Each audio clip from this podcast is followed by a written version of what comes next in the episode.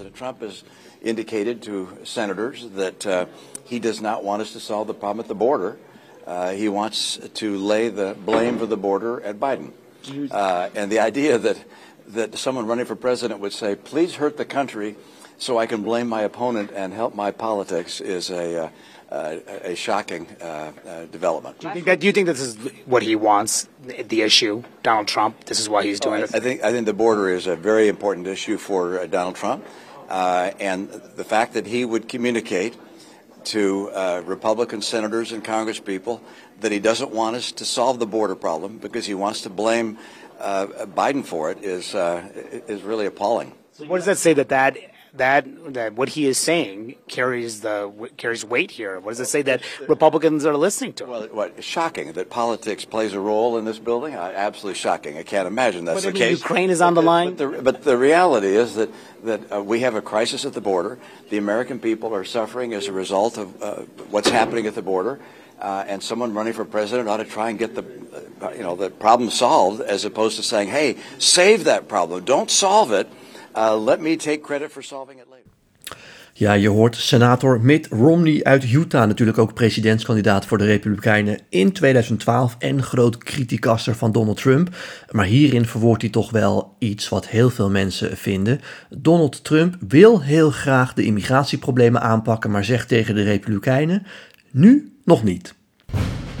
Ja, wat is er allemaal aan de hand? Nou, het, volgende is aan de hand. Ehm ik heb vaker tegen jullie gezegd, uh, en het is goed dat het Witte Huis ook naar mij luistert natuurlijk, dat uh, ja, wil je als Joe Biden Donald Trump tegenhouden, wil je trouwens überhaupt een, een belangrijke zorg wegnemen die er bij veel Amerikanen speelt, dan zul je iets moeten doen aan de problemen bij de grens met Mexico. Dat is één grote chaos op het moment, dan heb ik het nog niet eens over de 3 miljoen mensen die daar jaarlijks over de grens eh, komen. Dat is één onderdeel van het probleem. Een ander onderdeel van het probleem is dat er heel veel mensen natuurlijk überhaupt door de grens gaan waarvan men geen idee heeft eh, wie het zijn of waar ze naartoe gaan. Als mensen al fatsoenlijk worden opgevangen, dan zit hem daar vaak, ja, vaak juist het probleem. Het lukt niet om het fatsoenlijk uh, te doen.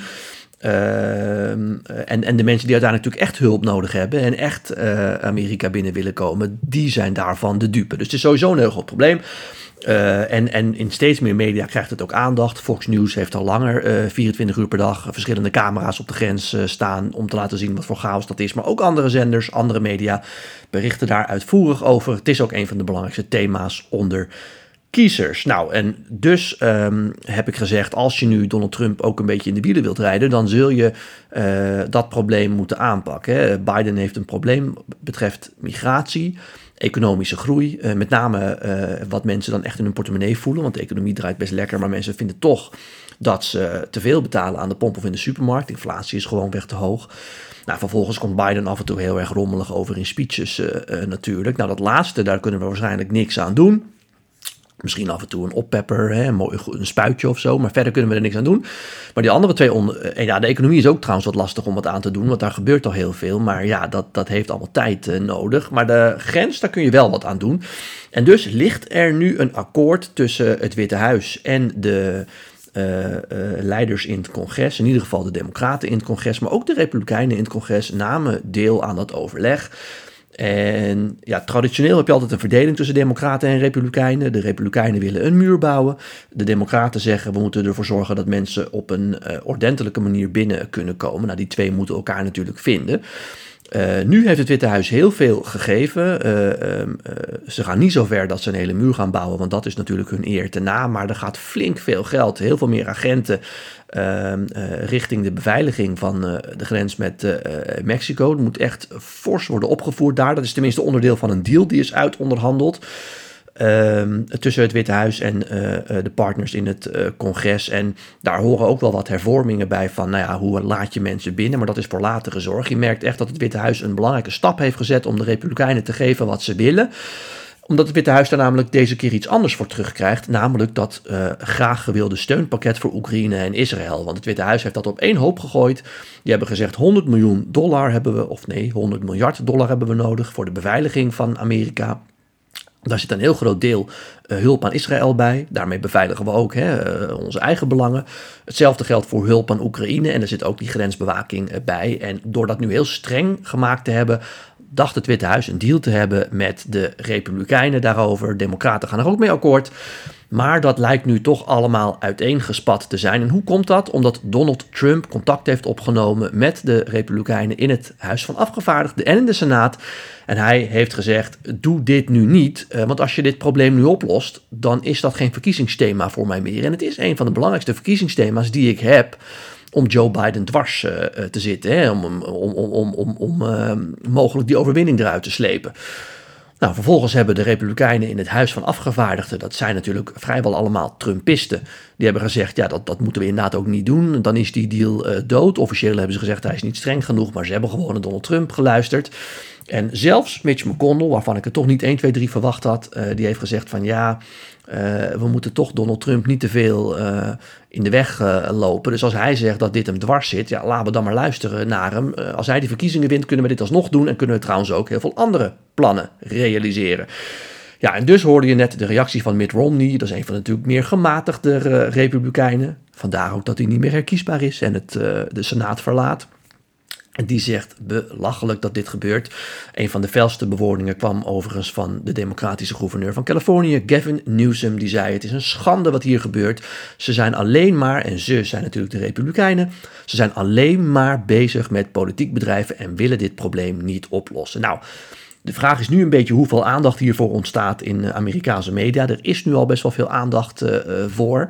Uh, de vraag is ook even of Nikki Haley hier een groot punt van gaat maken. Ze zei al in een bijeenkomst gisteren dat zij nooit naar Donald Trump zal luisteren. Met andere woorden, ik zou de grensproblemen wel uh, meteen hebben aangepakt. Ik wil die oplossing hebben. Uh, uh, dus de vraag is even hoe groot een thema dit uh, wordt. En ja, als ik president Biden zou zijn nu, dan zou ik primetime een televisietoespraak geven waarin ik zeg: We hebben de oplossing, we hadden de overeenkomst, maar Donald Trump zit dit dwars. En ik zou dan, als ik Biden was, erbij zeggen: Dit bewijst, hij is alleen maar met zichzelf bezig, niet met jullie problemen. Uh, dus ja, nogmaals, de vraag is of ze van die mogelijkheid gebruik gaan maken. Maar dat Donald Trump hier mogelijk een probleem mee heeft, dat is wel zeker. Uh, want heel veel Amerikanen zullen toch zeggen ja, die problemen aan de grens moeten nu aangepakt worden en niet over zes maanden als jij mogelijk de verkiezingen verliest. Kijk, de core, de diehard, hardcore achterban van Trump, die steunt Trump sowieso wel, maar de wat gematigdere kiezer, of die nou democrat of republikein is, die zal denken, los dit probleem alsjeblieft op. Dus ja, goed, het is al een belangrijk thema nu in de Amerikaanse politiek en dat zal de komende dagen alleen maar meer uh, worden. En ja, uh, de opmerking van Mitt Romney aan het einde van dat uh, quoteje dat gehaald werd, spreekt natuurlijk boekdelen. Heel cynisch zei hij, oh ik ben geschokt dat politiek zo'n belangrijk onderdeel hier vormt in dit gebouw in Washington, hè, in het Capitool. Had ik echt niet gedacht. Nou natuurlijk weet hij dat en dat weten veel Amerikanen ook. En dat voedt in ieder geval aan welke kant van de discussie je ook staat, het wantrouwen richting Washington. Goed, tot zover wat mij opviel uh, uh, de afgelopen dagen. Dan nu naar jullie vragen die jullie weer hebben ingestuurd via Twitter, Instagram en LinkedIn. Ja, dat zijn er weer flink wat. Ik ga de lijst gewoon af en nou ja, blijf vooral je vragen insturen. Dan ga ik ze allemaal op het lijstje zetten. Teun die vraagt: Hey Raymond, voor de podcast een goede set van Comedy Central om in dit verkiezingsjaar Jon Stewart terug te halen naar Daily Show. Uh, gaat dit voor een opleving in kijkcijfers en relevantie zorgen? Ja, dat denk ik wel, uh, Teun. Ik vind het dus ook een goede set uh, van ze. Jon Stewart heeft dat heel lang gedaan, hè, de Daily Show. Ontzettend groot succes altijd geweest. Maar op een gegeven moment zei hij: Ja, ik doe dit nu zo lang. Ik heb er gewoon weinig energie meer in. En jullie verdienen een presentator die die energie wel heeft. Maar goed, voor één keer in de week moet hij het kunnen opbrengen. Uh, zie het een beetje als uh, Jeroen Pauw die af en toe even invalt. Dat kan uh, Jon Stewart ook. En ik denk zeker dat hij daarvoor Daily Show weer relevant gaat maken. En het kan me ook voorstellen dat Jon Stewart heeft gedacht: het is erop of eronder voor onze democratie. Ik moet dit doen. Ik, doe mijn, hey, ik, ik doe dit ook uit het landsbelang. En natuurlijk voor een dikke vette bankrekening. Goed, Rick, Raymond wil Trump echt uit de NAVO. Ja, Rick, ik denk als wij, en dan heb ik het over Nederland, maar ook andere NAVO-landen, flink meer gaan betalen aan de NAVO. Dus op zijn minst aan die 2%-norm voldoen, maar daar eigenlijk nog een zak geld bij gooien, dat Trump er wel in blijft. Dan kan hij namelijk ook verkopen richting zijn achterban. maar de traditionele Republikeinen die natuurlijk uh, de NAVO uh, bijna heilig vinden. Hè. Daar valt Nikki Haley onder, maar ook George Bush in het verleden en Ronald Reagan natuurlijk. Ja, die groep, daar hebben we het ook in de vorige podcast over gehad, ja, die zijn gewoon een vleugel in de Republikeinse partij, maar zeker niet meer in de meerderheid. Dus Trump heeft wel veel vrijheid om aan de NAVO te knagen in ieder geval. Ik denk zelf dat Arend Jan Boekenstein deze week daar een hele sterke opmerking over maakte bij Vandaag in Zuid. Die zei, of hij eruit stapt of niet, dat maakt eigenlijk niet zoveel uit. Zolang hij openlijk zegt dat hij Europa niet gaat verdedigen als ze aangevallen wordt, worden, ja, dan kun je wel een artikel 5 hebben. Maar wat voor waarde heeft dat dan nog in de praktijk? Goed. Uh, Ari, die vraagt, beste Raymond, uh, waarom besteed je nooit aandacht aan Kennedy? De media doen, dat, uh, doen steeds voorkomen dat Biden en Trump de enige kandidaten zijn. Ik vind Kennedy juist verbindend.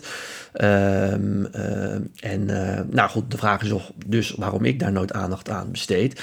Ja, ik heb volgens mij heel veel aandacht, Arie, besteed aan Kennedy. Misschien niet op televisie, dat klopt. Uh, omdat ik daarvan echt vind, daar is nog tijd genoeg voor. De verkiezingen zijn pas in november. als we nu gaan uitleggen hoe dat zit met onafhankelijke kandidaten, wat ik wel al een keer heb gedaan in de podcast hier. En dat is trouwens ook een onderdeel van mijn theatervoorstelling. Maar als ik dat op televisie moet doen, dan leidt dat nu te veel af van wat er bij de Republikeinen gebeurt. Dus dat is denk ik niet nodig. Maar er gaat nog heel veel aandacht voor Kennedy uh, komen. Omdat ik namelijk nog steeds peilingen zie waarin hij tussen de 10 en 20 procent scoort. Dus hij gaat een grote invloed hebben in die, op die uitslag, denk ik. Uh, en ik sluit ook niet uit dat hij aan de presidentsdebatten mee mag doen als hij die hoge score volhoudt. Daar zal Biden absoluut niet mee akkoord willen gaan. Maar de vraag is überhaupt of Joe Biden in debat wil met Trump. Want Biden heeft al laten doorschemeren dat ja, een kandidaat die mogelijk de uitslag niet accepteert, die ondemocratisch is, daar ga ik denk ik niet mee in debat. Ook daar zal een andere reden meespelen, namelijk dat zijn team zal, uh, zich zorgen zal maken over het feit of Biden zich überhaupt natuurlijk staande kan houden in zo'n uh, debat. Robin, eh, die vraagt: De Amerikaanse economie draait als een tierenlier, maar Biden profiteert er nauwelijks van. Ieder kwartaal worden de voorgaande kwartaalcijfers verpulverd. Wat moet Biden doen en wat heeft Biden nodig om het electoraat naar zich toe te trekken? Ja, uh, Robin, uh, dan kom ik toch terug op die uitspraak van Bill Clinton. Het kan nog zo goed gaan met de economie, maar kiezers moeten dat ook voelen. En ze voelen het pas als ze meer geld kunnen uitgeven in de supermarkt of andere winkels of natuurlijk aan de pomp. Dus de inflatie moet omlaag. Daar moet Biden zijn best voor doen. En als hij dat doet, dan zal ook het consumentenvertrouwen toenemen. Rini die vraagt: um, Dag Raymond, vraag voor de podcast. Wat is de werkelijke status van Kennedy? Uh, bovenstaande afbeelding lijkt me niet echt op waarheid berust. Nou, dat is een afbeelding waarin Kennedy heel hoog in de peilingen staat. Ja, Rini, dat hangt dus een beetje af van welke peiling je be bekijkt. Uh, of Kennedy hoog of laag staat. Er zitten ook vaak weer bevooroordeelde of minder professionele onderzoeksbureaus uh, achter. Ben je geïnteresseerd in peilingen? Heb ik wel een tip voor je. Ga dan naar realclearpolitics.com en klik dan op polls. Ik doe dat al jarenlang. En daar gooien ze gewoon alle betrouwbare peilingen op één hoop. En dan zie je ook de trends. En dan zie je dus dat die tussen de 10, 15, soms 20 procent uh, schommelt. En dat is denk ik de werkelijke status van uh, Kennedy. Als hij aan de debatten meedoet, zal dat exponentieel groeien. Uh, maar rond de 10% schommelt hij echt wel. En dat is al heel veel voor een onafhankelijke presidentskandidaat. Maar het helpt natuurlijk ook mee dat hij een hele bekende achternaam heeft. Um, Hein, een vervolgvraag. Stel dat er geen andere kandidaten dan Trump meer over zijn, stoppen ze dan met de Republikeinse voorverkiezingen? Ja, uh, Hein, dat doen ze. Dan uh, je hebt soms dat die voorverkiezingen nog wel doorlopen, maar dan wordt er niet meer veel georganiseerd. In ieder geval geen debatten meer natuurlijk, maar ook niet echt bijeenkomsten. Uh, soms zijn er geen eens stembureaus meer open, moeten mensen dan per post stemmen als ze dat per se zouden willen. Maar inderdaad, dan zouden ze um, grosso modo gewoon stoppen met die voorverkiezingen. Het laatste nieuws is overigens dat er al geprobeerd is door een aantal mensen binnen de Republikeinse Partij om dat nu al te doen om de Republikeinse Partij uit te laten spreken dat Trump toch echt, zoals ze dat noemen, de presumptive nominee is. En dan zou je in feite ook een heel groot gedeelte van het uh, voorverkiezingen circus opdoeken. Terecht is daar heel veel kritiek op gekomen, ook natuurlijk uit kamp Haley. Er zijn nog maar twee staten geweest, er zijn er nog 48 te gaan. Dat is veel te vroeg. Maar ja, mocht Nikki Haley voor of na de voorverkiezingen in South Carolina zeggen: ik stop ermee. Ja, in feite komt dan het hele circus tot stilstand. Een aantal staten zal nog voor de vorm iets organiseren, maar dat mag geen naam hebben. Goed, tot zover weer. Uh, dank voor jullie vragen. Blijf die opsturen. Ik heb nog een heel uh, rijtje staan, maar dan kunnen er altijd bij. Het gaat lekker door zo. Hartstikke fijn. Uh, want als je dat doet en je stuurt die vragen op, dan beantwoord ik die weer in een volgende podcast. Tot zover, tot dan.